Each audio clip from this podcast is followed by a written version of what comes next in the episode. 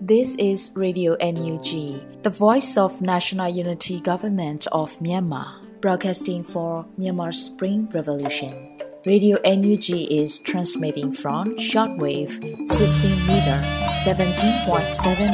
MHz at 8:30 a.m. and 25 meter 11.94 MHz at 8:30 p.m. Myanmar Standard Time. မင်္ဂလာပါရှင်။ မြို့သားညီညွတ်ရေးအစိုးရရဲ့အတန်နှုန်းဌာန Radio NUG ကိုမနက်ပိုင်း၈နာရီခွဲမှာလိုင်းတူ16မီတာ19.89 MHz ညပိုင်း၈နာရီခွဲမှာလိုင်းတူ25မီတာ17.6 MHz တို့မှာဓာတ်ရိုက်ဖမ်းယူနိုင်စေနိုင်ပါရှင်။မင်္ဂလာအပေါင်းနဲ့ပြည့်စုံကြပါစေ။အခုချိန်ကစပြီး Radio NUG အစီအစဉ်လေးကိုဓာတ်ရိုက်အတန်လွှင့်ပေးနေပါပြီရှင်။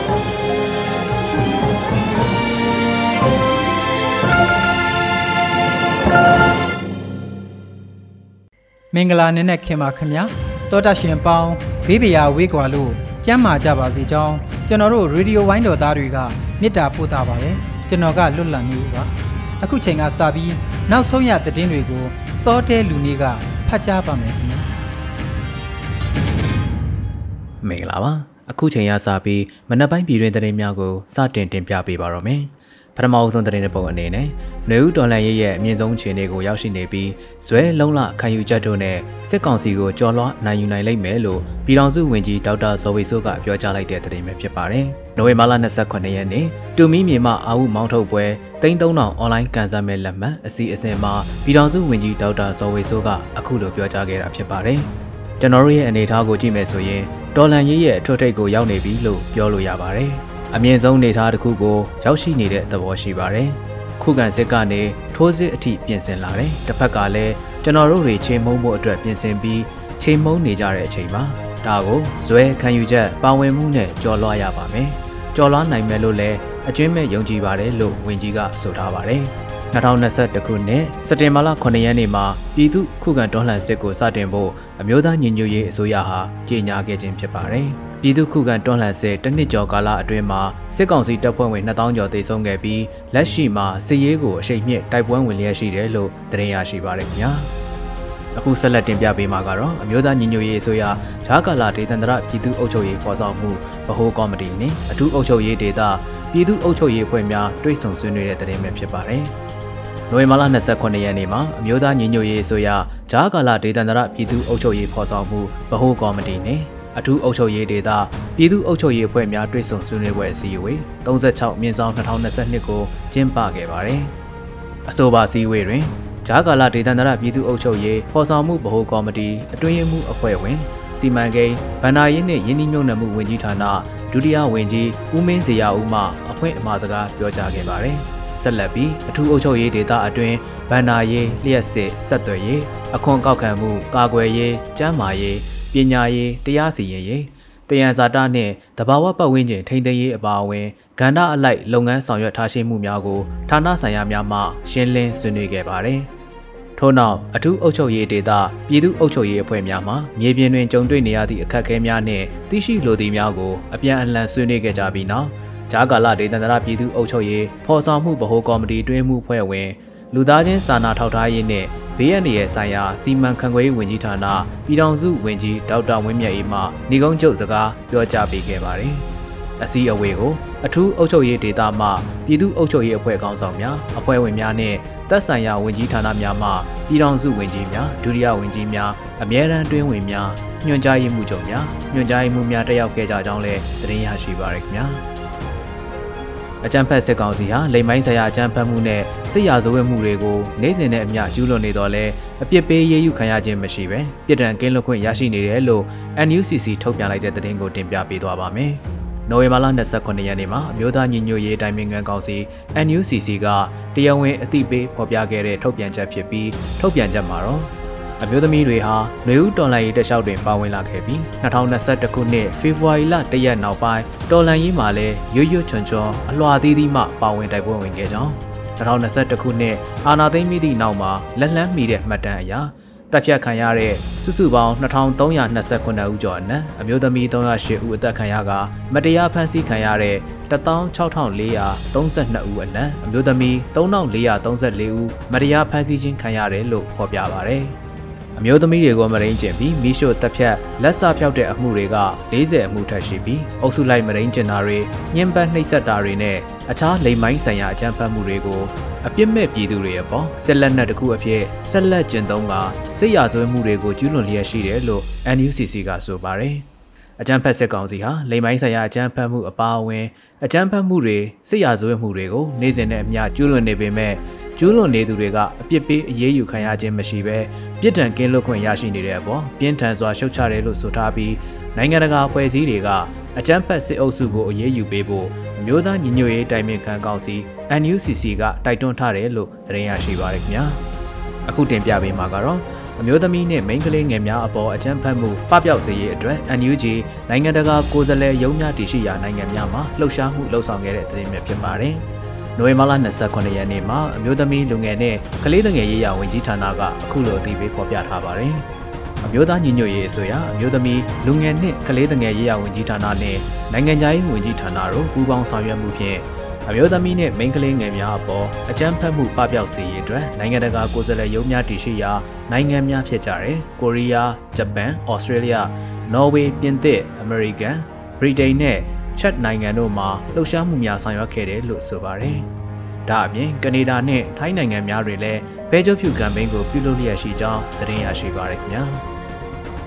Force 36 Ranger တပ်ဖွဲ့နဲ့ဂျိုးပြူပြောက်ကြားတပ်ဖွဲ့ JPGF တို့၏ပူးရဲစစ်စင်ရေးလေ့ကျင့်မှုအောင်မြင်စွာပြီးမြောက်ကြောင်းကြေညာထားတဲ့သတင်းကိုတင်ပြပေးသွားပါမယ်။နိုဝင်ဘာလ29ရက်နေ့မှာစစ်ရေးလေ့ကျင့်မှုနဲ့ဆက်လင်းပြီးဂျိုးပြူပြောက်ကြားတပ်ဖွဲ့ JPGF ကအခုလိုအသိပေးထားပါတယ်။ Force 36 Ranger တပ်ဖွဲ့နဲ့မိမိတို့ဂျိုးပြူပြောက်ကြားတပ်ဖွဲ့ JPGF တို့၏ပူးရဲစစ်ရေးလေ့ကျင့်မှုအောင်မြင်စွာပြီးမြောက်ခဲ့ပြီးဖြစ်ပါတယ်။ ပူးရဲစစ်ရေးလေ့ကျင့်မှု၏အရွယ်ချက်မှာရဲဘော်များစွမ်းဆောင်ရည်ပုံပုံမြင့်မားစေရန်နှင့်စီးလုံးညီညွတ်မှုရရှိစေရန်ရည်ရွယ်၍ပြုလုပ်ခဲ့ခြင်းဖြစ်တယ်လို့ဆိုထားပါတယ်။ပြည်သူ့ဖက်ဒရယ်ဒီမိုကရေစီလက်နက်ကင်တိုက်ပွဲအောင်မြင်တဲ့အထိပြည်သူများနဲ့အတူတိုက်ပွဲဝင်သွားမယ်လို့ Force 36 Ranger နဲ့ဂျိုးပြူပြောက်ကြားတပ်ဖွဲ့ရဲဘော်များမှဂရိသက်စာပြုထားကြောင်းတင်ပြရရှိပါရခင်ဗျာ။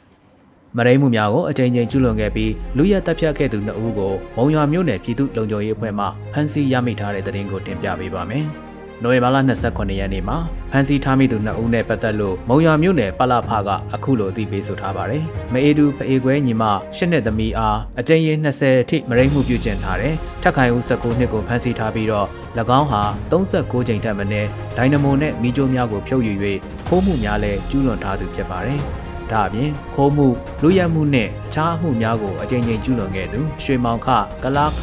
စိုင်းရဲထွန်းအသက်18နှစ်ကိုလည်းဖမ်းဆီးရမိထားပြီး၎င်းတို့ကိုယ်တိုင်ဝန်ခံချက်များကိုလည်းရရှိထားတယ်လို့တင်ရရှိပါတယ်။မုံရမြို့နယ်ပြည်သူ့လုံခြုံရေးအဖွဲ့ပါလာဖာဟာ local PDF များနဲ့ပူးပေါင်းပြီးမုံရမြို့နယ်အနီးတစ်ဝိုက်ရှိမိဘပြည်သူတို့၏အသက်အိုးအိမ်စီးစိမ်နှင့်လုံခြုံရေးကိုရန်မှု၍တိုင်းပြည်မငြိမ်သက်မှုကိုအခွင့်ကောင်းယူကာခိုးဆိုးလူရက်မှုကျူးလွန်သူများ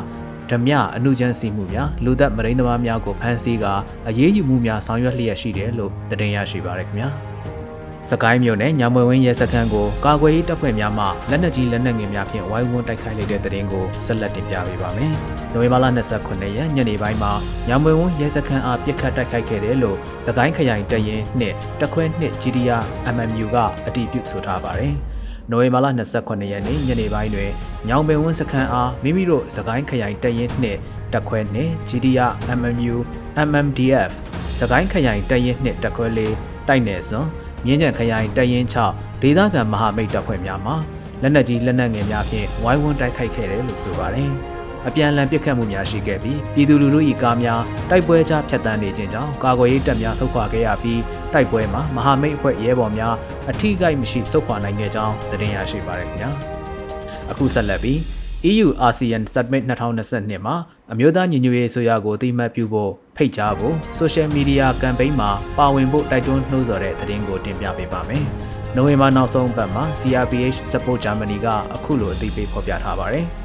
ဥရောပသမဂ္ဂနဲ့အာဆီယံနိုင်ငံခေါင်းဆောင်တွေတွေ့ဆုံမဲ့ EU ASEAN Summit 2022မှာ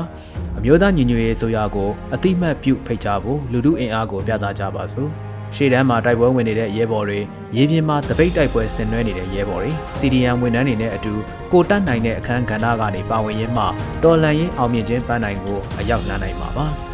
Facebook profile ပြောင်းတာအဖွဲ့အစည်းတွေရဲ့လူမှုကွန်ရက်စာမျက်နှာတွေမှာဆန္ဒထုတ်ဖော်တာတွေဟာ အင်တာနက်သုံးနိုင်တဲ့လူတိုင်းတော်လန်ရေးမှာအလွယ်တကူပါဝင်နိုင်တဲ့နည်းလမ်းတွေပဲဖြစ်တယ်လို့ဖော်ပြထားပါတယ်။ EU ASEAN Summit မှာအမျိုးသားညီညွတ်ရေးအစိုးရကိုအတိမတ်ပြုဖို့လက်ခံဖိတ်ကြားဖို့ profile frame ချင်းချင်းဖြင့် https twb.nz EU invites NUG link ကိုဝင်ရောက်ပြီး choose photo ကိုနှိပ်ကမိမိကြိုက်နှစ်သက်ရာဓာတ်ပုံကိုရွေးချယ်၍ကမ်ပိန်းမှာပါဝင်ဖို့နှိုးဆော်ထားကြောင်းတင်ရရှိပါတယ်ခင်ဗျာ အခုတင်ပြပေးခဲ့တဲ့သတင်းတွေကိုတော့ Radio NUG သတင်းတောက်မင်းမင်းကပေးပို့ထားတာပဲဖြစ်ပါတယ်ကျွန်တော်စောတဲလူနေပါ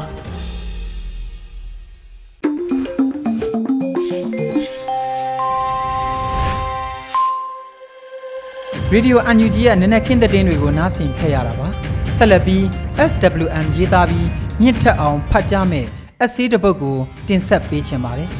ရန်ကုန်ဟာတကယ်ပဲတူအေးနေပြီလားတဲ့နားဆင်နိုင်ကြပါတယ် ရန်ကုန်ဟာတကယ်ပဲသွေးအေးနေပြီလားဒီမေးခွန်းကိုလူတိုင်းမေးကြပါတယ်အထူးသဖြင့်မျိုးပြနဲ့အဝေးမှာရောက်နေကြပြီးဒေါ်လာရေးလုပ်နေရတဲ့ຫນွေဦးဒေါ်လာရေးသမားတွေအဓိကမေးခွန်းထုတ်လို့ရှိပါတယ်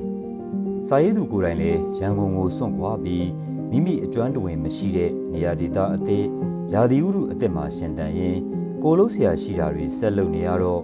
ရန်ကုန်ဟာတကယ်ပဲသွေးအေးသွားပြီလားလို့ တခါတည်းရန်မေးလို့ရှိပါတယ်ရန်ကုန်ကိုသွေးအေးသွားလားမမေးခင်ကိုကိုကိုအရင်မေးတဲ့သဘောပေါ့ဗျာကျွန်တော်ကတော့သွေးမအေးပါဘူးကိုလို့ဆရာရှိတာတွေလုပ်နေတယ်ပေါ့ထားပါကျွန်တော်အကြောင်းတဲ့ရန်ကုန်အကြောင်းကပိုအရေးကြီးပါတယ်ဒီအချိန်မှာကျွန်တော်မျက်လုံးကိုမှိတ်လိုက်ပြီးကျွန်တော်မြင်ခဲ့ဘူးတဲ့ရန်ကုန်ရဲ့ပုံရိပ်တွေကိုပြန်တွေးကြည့်မိပါတယ်ပထမဆုံးကျွန်တော်လှဲတန်းကိုသွားပါတယ် လှဲတန်းကိုကျွန်တော်မြင်ရတဲ့ပုံရိပ်ကအများကြီးပြောင်းလဲသွားပါပြီအရင်ကဆိုဗျာခင်ဗျားတို့လည်းသိတယ်ကျွန်တော်လည်းသိတယ်လှဲတန်းဆိုတာရန်ကုန်လူမျိုးလုံးကလူငယ်တွေရဲ့ပညာရေးအိမ်မက်လာမဲ့ကြတဲ့နေရာဒေသတစ်ခုပဲလဲရန်လမ်းမကြီးပေါ်မှာတင်နန်းပေါင်းများစွာအများကြီးအများကြီးရှိတယ်။ခင်ဗျားကရန်ကုန်ဒေသခံမဟုတ်ဘူး။ရန်ကုန်အပြင်ဘက်ကနေရောက်လာပြီးရန်ကုန်မှာအိမ်မက်တွေကိုလာထုစစ်တဲ့လူငယ်တယောက်ဆိုရင်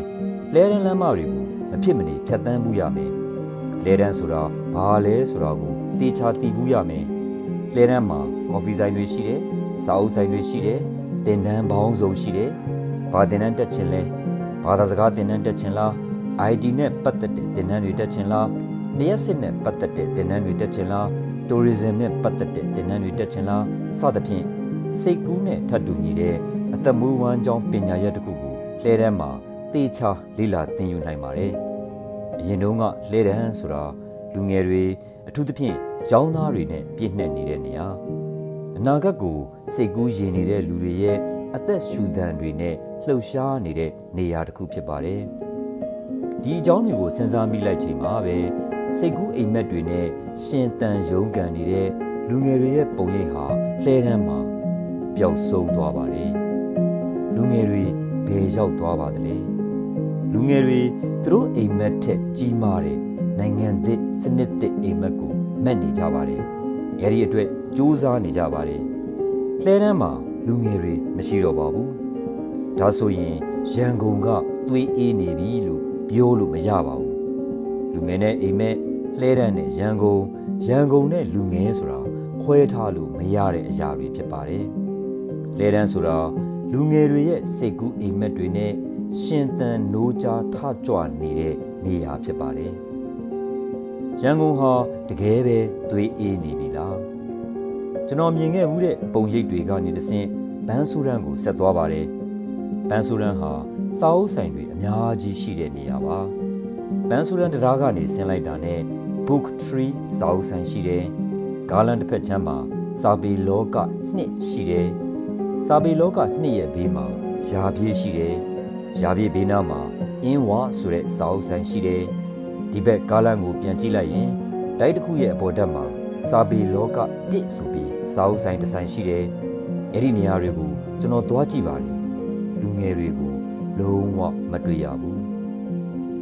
ရန်ကုန်ဟာတကယ်ပဲသွေးအေးနေပြီလားမန်ဆူရန်ကပြန်လာချိန်မှာတော့ည၈နာရီထိုးနေပါပြီ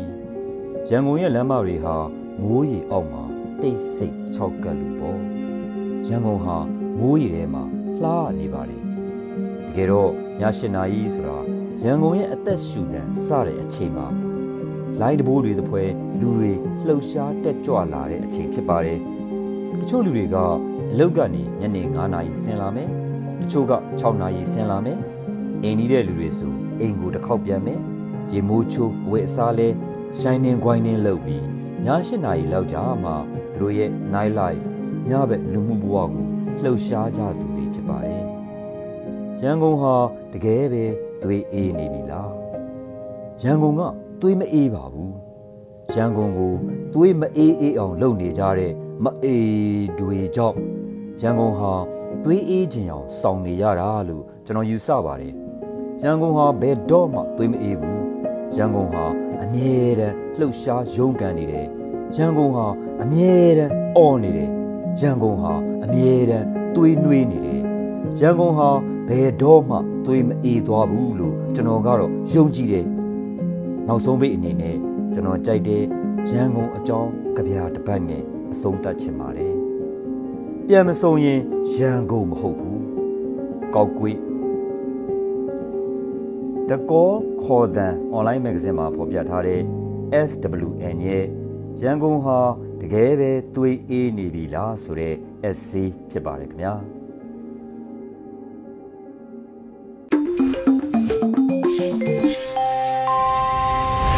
နိုဝင်ဘာလ28ရက်ရေဒီယိုအန်ယူဂျီရဲ့မနက်ခင်းစီစဉ်များကိုဆက်လက်ထုတ်လွှင့်ပေးနေပါတယ်ခင်ဗျာအခုတစ်ဖက်မှာစောတဲလူနေမှနေပြီးတက်ရှိစစ်ဖျားများသို့အခုလိုရေးသားတည်ကုန်းထားတာနားဆင်နိုင်ကြပါပြီခင်ဗျာ အညာဆိုတဲ့စကားကိုကြားလိုက်တာနဲ့ကုတ်ကူထဏောင်းလက်ပံစကားစတဲ့အပင်တွေနဲ့ထမ်းမင်ထန်းတော်ကြီးတွေကိုပြေးပြီးမြင်ကြမှာပါတကယ်တော့မြမအတွက်အညာဒေတာကြီးတစ်ဝိုက်ဟာရာစုနှစ်အဆက်ဆက်အတွင်းကြီးမြတ်တဲ့သမိုင်းကြောင်းတွေသူရဲကောင်းတွေရဲ့ကွန်းခိုရာအတိုက်ဝန်းကြီးတစ်ခုပါပဲအညာဒေတာမှာဖြင့်ရွှေဝါရောင်ဆင်းရှိတဲ့စကားဝါပန်းတွေဟာထင်ရှားသလိုအနီရင်းရင်းရှိတဲ့လက်ပံပွင့်တွေဟာလည်းကြပြာတချင်းဝိထုသမိုင်းစာဆိုရရဲ့လက်ထဲမှာထင်ရှားလာပါတယ် အဝါရောင်စကားပန်းတွေကိုတွေ့ရင်အရင်ကအဝါရောင်မနှစ်သက်တဲ့သူတောင်ဒီအယောင်ပေါ်တိတ်ညွတ်လာနိုင်ပါရဲ့လှရက်လိုက်တာ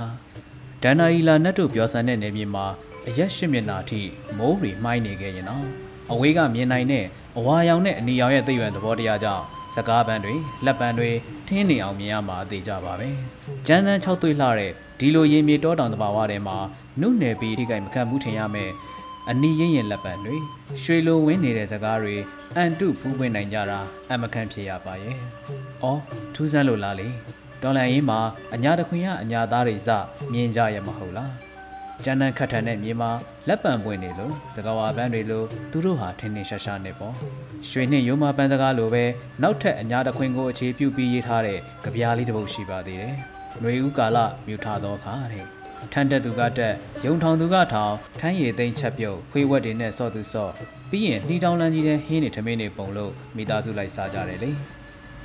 ຫນွေဦးတော်လန်ရေးဆိုတဲ့အတိုင်းတို့ຫນွေဦးကာလမျိုးတွေထားတဲ့အခါကြာရတောင်းဝင်အသီးသီးနဲ့အလုတ်များခဲ့ရသူတွေရဲ့ကြည်နူးပဲထမင်းဝိုင်းလေးအားဆောက်မျှော်ရင်းအညာတခွင်းကရဲဘော်တို့ရေတကယ်တော့အညာနေမြေကြီးဟာတင်တို့လိုတက်ရှိစစ်နက်ဖျားတွေပိုင်ဆိုင်ရမယ့်နေမြေသားဖြစ်တယ်လို့ဂုံပြူစကားပါလိုက်ပါရစေခင်ဗျာ။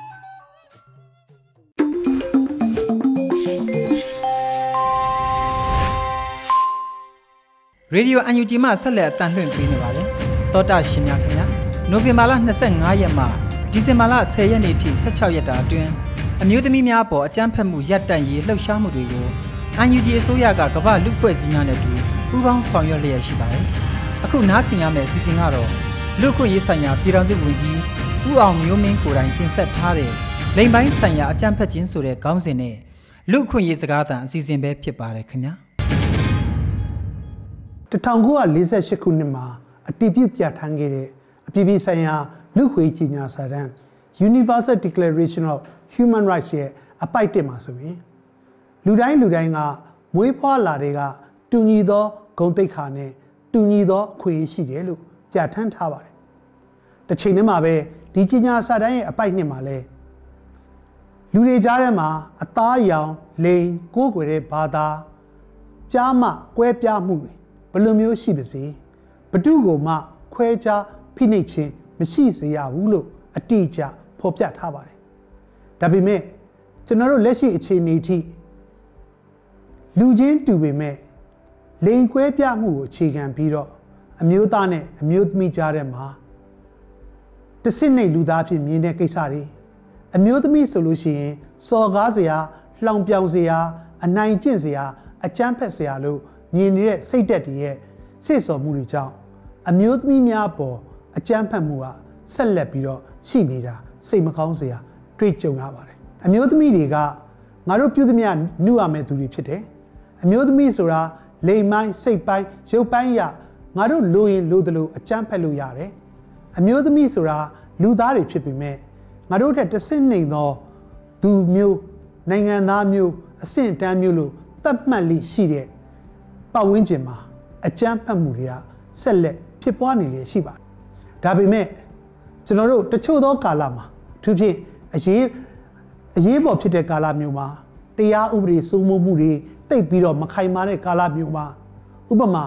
စစ်ပွဲအတွင်းတဘာဝဘေးဒဏ်စတဲ့လူတွေကစင်ကလျားဖြစ်ပြီးတော့အုပ်ချုပ်ရေးတရားစီရင်ရေးနဲ့ပတ်သက်တဲ့အကြောင်းအရာတွေပြိုကွဲသွားတဲ့အချိန်မှာတော့အမျိုးသမီးများပေါ်အကြမ်းဖက်မှုတွေ ပုံမှုပြီးတော့များပြားလိရှိတယ်ဆိုတာတွေ့ရပါတယ်။ဘာကြောင့်ဖြစ်ရလဲဆိုလို့ရှိရင်တော့ကျွန်တော်တို့အမျိုးသမီးပေါ်မှာအကြမ်းဖက်လို့ရတဲ့စိတ်သက်ရှိတဲ့သူတွေအနေနဲ့အဲ့ဒီကာလမျိုးမှာသူတို့မှာတာမန်ချိန်ထက်ပိုသောပါဝါလို့ခေါ်တဲ့သူတို့ရဲ့လုတ်ပိုင်ခွင့်တွေပုံများသွားတဲ့အခြေမျိုးဖြစ်တတ်ပါတယ်လူတိုင်းဒုက္ခရောက်နေချိန်မှာတရားဥပဒေစိုးမိုးမှုမရှိဘူးဆုံးဖြတ်ချက်နဲ့လုတ်ပိုင်ခွင့်တော်တော်များများကအမျိုးသားမှာရှိနေတယ်တစ်ချိန်တည်းမှာပဲ ကျွန်တော်တို့ဒီလက်နက်ကိုင်ပြိပခါတွေဖြစ်နေတဲ့ကာလအတွင်းမှာလက်နက်ရှိတဲ့သူတွေအုပ်ချုပ်မှုနေရာမှာယူထားတဲ့သူတွေကအမျိုးသားတွေဖြစ်တဲ့ခါမှာသူတို့မှာရှိပြီးသားပါဝါတွေစွမ်းရည်တွေလုတ်ပိုင်ခွင့်တွေအတုံးချပြီးတော့အမျိုးသမီးတွေပေါ်မှာပုံမူအကြမ်းဖက်မှုဖြစ်နိုင်တာဖြစ်တဲ့ဟာတွေ့ရပါတယ်။နောက်ထပ်တစ်ခုကတော့တကယ်လို့များအဲ့ဒီပါဝင်ခြင်းအခြေအနေမှာတရားဥပဒေစိုးမိုးမှုကလည်းမရှိဘူး။တရားဥပဒေနဲ့ပတ်သက်ပြီးတော့အရေးယူဆောင်ရမယ့် ရန်ရရလည်းမလဲပတ်ဘူး။ကျူးလွန်တဲ့သူကဖြစ်တည်တိုင်အောင်ဒီကျူးလွန်မှုကိုကျူးလွန်တဲ့သူကိုအရေးယူနိုင်တဲ့အနေအထားမျိုးမရှိဘူး။ကျွန်တော်တို့ပြောနေတဲ့အပြစ်ရှိတဲ့သူကအပြစ်ပေးခံရမှုကနေကင်းလွတ်နေတဲ့အလေအထ culture of impunity ဒါတွေရှိတဲ့အခါမှာပုံမပြီးတော့စိုးဝါသွားပါပြီအမျိုးသမီးဘဝအနိုင်ကျင့်တဲ့စိတ်ကလည်းရှိနေတယ်လက်ရှိအခြေအနေကလည်းတရားဥပဒေစိုးမိုးမှုမရှိဘူးတစ်ချိန်တည်းမှာလည်းကျူးလွန်လဲ ငါတို့အပြစ်ပေးအရေးယူမဲ့သူကိစ္စမရှိတဲ့စိတ်ဆော်မှုတွေကြောင့်အဲ့လိုအခြေအနေမျိုးမှာအမျိုးသမီးများပေါ်အချမ်းဖက်မှုဟာစိုးရိမ်စရာကောင်းတဲ့အထီကိုဖြစ်ပေါ်လေရှိပါတယ်ဗျဒါကြောင့်မလို့လက်နက်ကင်ပြိပခါတွေဖြစ်နေတဲ့ဒေသအတွင်းမှာတစ်ဖက်နဲ့တစ်ဖက်စန့်ကျင်ဘက်ဖြစ်တိုက်ခိုက်ရင်ဆိုင်တဲ့ကာလအတွင်းမှာအမျိုးသမီးများကတားကောင်ဖြစ်အသုံးပြုနိုင်တဲ့အသုံးပြုခံရတဲ့အခြေအနေမျိုးဆိုက်ရောက်တတ်ပါတယ်အမျိုးသမီးများပေါ်အကြမ်းဖက်မှုမှာ လိမ်မိုင်းဆိုင်ရာအကြမ်းဖက်ခြင်း sexual violence ဆိုခေါ်တဲ့အမျိုးအစားကတော့အဆိုးဝါးဆုံးနဲ့ကျွန်တော်တို့အယုံမာဆုံးလို့ပြောလို့ရပါတယ်ဒီနေရာမျိုးမှာကျွန်တော်တို့ပြောနေကြတဲ့မတိတ်မှုကျူးလွန်တာဒါတခုတွေမကပါဘူးသူ့ရဲ့ဂုံတိတ်ခါထိခိုက်ဖို့အတွက်လိမ်မိုင်းဆိုင်ရာအဖြစ်ကျွန်တော်တို့ထိပါနှောက်ယှက်တာလိမ်မိုင်းဆိုင်ရာအကြောင်းအရာအခြေခံပြီးတော့အကြမ်းဖက်တာဒါမှမဟုတ်လို့ရှိရင်ဒီလိုမျိုးကိုတယောက်တည်းတင်လိမ်မိုင်းဆိုင်ရာအသုံးပြုတာမဟုတ်ဘဲနဲ့စိတ်တက်ကြဖို့အတွက်အစုလိုက်ပြုံလိုက် တက်ဖြတ်တာတွေဝိုင်းပြီးတော့အုပ်စုလိုက်မတိန်ကျင်တာတွေသူတို့အတင်းကျပ်ကိုဝင်ဆောင်ခိုင်းတာတွေဒါမှမဟုတ်ရရှိထားတဲ့ကိုဝင်တွေကိုအတင်းကျပ်ဖျက်ဆီးပြီးတော့စိတ်တက်ပိုင်းဆိုင်ရာလှုပ်ဆောင်တဲ့အကြောင်းအရာတွေဒါတွေရှိတတ်ပါတယ်ကမ္ဘာနိုင်ငံအသီးသီးမှာဖြစ်ပွားခဲ့တဲ့လက်နက်ကင်ပြိပခတွေမှာလည်းအမျိုးသမီးများကအကြမ်းဖက်ခံရတဲ့တားကောင်တွေဖြစ်အကြမ်းဖက်မှုရင်ဆိုင်ခဲ့ရတဲ့သူများဖြစ်ကျွန်တော်တို့ကြုံတွေ့ရပါတယ်။ဒါကြောင့်မလို့စစ်ပွဲကာလအတွင်းမှာ အမျိုးသမီးတွေကိုလိမ်မိုင်းဆိုင်ရာအကြမ်းဖက်ခြင်းကိုစစ်ပွဲဆိုင်ရာရာဇဝတ်မှု war crime လို့သတ်မှတ်ပါတယ်။ကျူးလွန်တဲ့သူတွေကလည်းရာဇဝတ်ကောင်တွေဖြစ်သတ်မှတ်ခံပြီးတော့အပြည်ပြည်ဆိုင်ရာတရားဥပဒေတရားစီရင်မှုလမ်းကြောင်းအရအပြစ်ပေးအရေးယူခဲ့တဲ့အစဉ်လိုက်လည်းရှိပါတယ်အကြမ်းဖက်စစ်ကောင်စီကအကြမ်းဖက်မှုနည်းမျိုးစုံနဲ့တိုင်းပြည်ကိုထိမ့်သိမ့်နိုင်မှုစူးစမ်းခဲ့တဲ့ကာလတည်းကစပြီးတော့အမျိုးသမီးများပေါ် အကြမ်းဖက်မှုလိမ်မိုင်းဆိုင်ရာအကြမ်းဖက်မှုတွေကိုပုံစံမျိုးမျိုးနဲ့ကျူးလွန်ခဲ့တာတက်သေးထောက်ထားခိုင်လုံစွာရရှိပါတယ်။ဒါကြောင့်မလို့အကြမ်းဖက်စစ်ကောင်စီရဲ့အမျိုးသမီးများပေါ်လိမ်မိုင်းဆိုင်ရာအကြမ်းဖက်မှုနဲ့ပတ်သက်လို့လေ့လာကြည့်မယ်ဆိုရင်ပထမတစ်ခုကတော့တက်ကြွလှုပ်ရှားတဲ့သူတွေအမျိုးသမီးငယ်တွေပေါ်မှာလိမ်မိုင်းဆိုင်ရာအကြမ်းဖက်မှုပါအဲ့တော့တက်ကြွလှုပ်ရှားမှုနဲ့ဖမ်းဆီးခံရတဲ့အမျိုးသမီးတွေကဖမ်းဆီးတဲ့ကာလအတွင်းမှာရောစစ်ကြောရေးမှာ စစ်ဆေးတဲ့ကာလမှာရောအမှုတီဆောက်ပြီးတော့ထပ်ပြီးတော့ဒါနဲ့ပတ်သက်ပြီးတော့စစ်ဆေးမင်းမြန်နေတဲ့ကာလအတွင်းမှာရောလိမ်မိုင်းဆိုင်ရာအကြမ်းဖက်မှုတွေကြုံတွေ့ရတယ်ဆိုတဲ့အချက်တွေ့ရပါတယ်အမျိုးသမီးတွေဖြစ်တဲ့အတွက်ကြောင့်မို့လို့ရုပ်ပိုင်းဆိုင်ရာရုပ်မာစွာရိုင်းဆိုင်စွာဖြစ်ပြောဆိုတာသူတို့ရဲ့လိန်အနေထားသူတို့ရဲ့ခန္ဓာကိုယ်အနေထားကိုလှောင်ပြောင်တာမကင်တဲ့မကင်တတ်သောနေရာတွေကိုကင်တွယ်ပြီးတော့လိမ်မိုင်းဆိုင်ရာအသားယူတာဒါအပြင်အစိုးဆုံးကတော့ အမျိုးသမီးတွေကိုလိမ်မိုင်းဆိုင်ရာအကြမ်းဖက်မှုအသုံးပြုပြီးတော့ချိန်ချောက်တာမတရားပြုခြင်းတဲ့ကိစ္စတွေကျွန်တော်တွေ့ရပါတယ်ဘလို့ပဲဖြစ်ဖြစ်ထောင်ထဲမှာပဲဖြစ်ဖြစ်စစ်ကြောရေးမှာပဲဖြစ်ဖြစ်လမ်းပေါ်မှာပဲဖြစ်ကြေးရွာတွေမှာပဲဖြစ်ဖြစ်အမျိုးသမီးများပေါ်အကြမ်းဖက်မှုနဲ့ပတ်သက်လို့တူညီတဲ့တစ်ခုကတော့ကျူးလွန်တဲ့သူတွေအခုချိန်ထိအပြစ်ပေးရေးယူမှုမရှိဘဲလွတ်မြောက်နေခြင်းပဲဖြစ်ပါတယ်ကျူးလွန်တဲ့သူတွေအတွက်ထပ်မံကျူးလွန်မှု ခွန်အားပေးထားသောအကြောင်းအတစ်ချက်လို့လည်းပြောလို့ရပါတယ်ဒီကျွန်တော်တို့ဓမ္မတက်ကြီး386နဲ့6ရကျွန်တော်တို့အပြစ်ပေးရေးယူနိုင်တဲ့ပြည်ရင်းဥပဒေဖြစ်ပါတယ်ဒါပေမဲ့လက်ရှိအခြေအနေမှာဒါမျိုးဖြစ်ပျက်တဲ့ကိစ္စတခုဟာတာမန်ပြည်ရင်းမှာရှိတဲ့ဥပဒေနဲ့မလုံလောက်တော့ပါဘူးလိမ်မိုင်းဆိုင်ရာအကြမ်းဖက်မှုကြည့်တဲ့အခါမှာအကြမ်းဖက်စစ်ကောင်စီကသူတို့တပ်သားတွေကိုဒါမျိုးလှုပ်ဆောင်မှုအတွက်တည်တည်ချာချာသူတို့ညွှန်ကြားထားတဲ့သဘောမျိုးဖြစ်နေတာတွေ့ရပါတယ် စီရေးဗျူဟာအရကျင့်သုံးနေတာကိုတွေ့ရပါတယ်တစ်ချိန်တည်းမှာတင်ဒါနဲ့ပတ်သက်ပြီးတော့ဖြစ်တဲ့ကိစ္စတွေကစစ်တပ်သွားလေရာနေရာအကြမ်းဖက်စစ်တပ်ရောက်ရှိရာနေရာတိုင်းမှာတွင်တွင်ကြဲကြဲနဲ့အလေးထားတစ်ခုလိုကျင့်သုံးနေတဲ့အတွက်ခံရတဲ့အမျိုးသမီးအရေးအတွက်လည်းအများပြားရှိပါတယ်လှုပ်ဆောင်မှုတိုင်းလှုပ်ဆောင်မှုတိုင်းကစနစ်တကျအားပေးအားမြောက်ပြုသလိုကျူးလွန်တဲ့သူတွေကိုအပြစ်ပေးအရေးယူမှုလုံးဝမရှိခြင်းကလည်းစနစ်တကျလှုပ်ဆောင်နေတဲ့အကြောင်း အားပေးနေတဲ့တက်တည်ဖြစ်ဖြစ်တာကိုတွေ့ရပါတယ်။ဒါကြောင့်မလို့ဒီကိစ္စတစ်ခုကပြည်တွင်းမှာရှိတဲ့ဥပဒေအရပြည်တွင်းဥပဒေနဲ့အရေးယူနိုင်တဲ့ဥပဒေတွေမကတော့ဘဲနဲ့အမှုမျိုးတွေမကတော့ဘဲနဲ့နိုင်ငံတကာမှာသတ်မှတ်ထားတဲ့စစ်ပွဲဆိုင်ရာရာဇဝတ်မှုဥပဒေ war crime ဒါမှမဟုတ်လို့ရှိရင်တော့အမျိုးသမီးအမြောက်များကိုစစ်တပ်ကစနစ်ကျ UTB လှုပ်ဆောင်တာဖြစ်တဲ့အတွက်လူသားမျိုးနွယ်တစ်ခုလုံးကိုထိခိုက်စေတဲ့ crime against humanity တချို့သောလူမျိုးစုဥမာရိုဟင်ဂျာအမျိုးသမီးတွေကိုပြစ်မှတ်ထားပြီးတော့လှုပ်ဆောင်တာဖြစ်တဲ့အတွက်ကြောင့်မလို့ genocide လို့ခေါ်တဲ့ပြစ်ဒဏ်တွေနိုင်ငံတကာရာဇဝတ်မှုရဒါတွေကမြောက်နေတာကိုတွေ့ရပါတယ်ကျွန်တော်တို့အခုချိန်မှာကျူးလွန်တဲ့စစ်ရာဇဝတ်ကောင်တွေကိုနိုင်ငံတကာခုံရုံးတွေရအရေးယူနိုင်မှုစူးစမ်းပါတယ်စူးစမ်းတဲ့အခါမှာတကယ်ထိပ်ပိုင်းမှာတာဝန်ရှိပြီးတော့အတိကစေခိုင်းတဲ့သူတွေကိုဥတီပြီးတော့အပြစ်ပေးအရေးယူနိုင်မှုလွတ်ဆောင်ပါတယ် ပြည်သူလူထုကိုလေးစားမယ်စစ်အာဏာရှင်ကိုကျွန်တော်တို့စိတ်ပြက်နေတဲ့ပြည်သူစစ်တီကောင်းများအနေနဲ့ဒီလိုအမှုတွေကိုမကျူးလွန်မှုအပြင်ဒီကိစ္စနဲ့ပတ်သက်ပြီးတော့ဆက်လက်ကျူးလွန်မယ်ဆိုရင်နိုင်ငံတကာရာဇဝတ်မှုတရားဥပဒေအရပါဝင်ပူးပေါင်းကြံစည်သူလှုပ်ဆောင်သူစတဲ့အမှုတွဲတွေဝင်နိုင်တဲ့အတွက်ဒီကိစ္စရက်တယုံနေမကဘဲနဲ့ပြည်သူလူထုနဲ့ပူးပေါင်းပြီး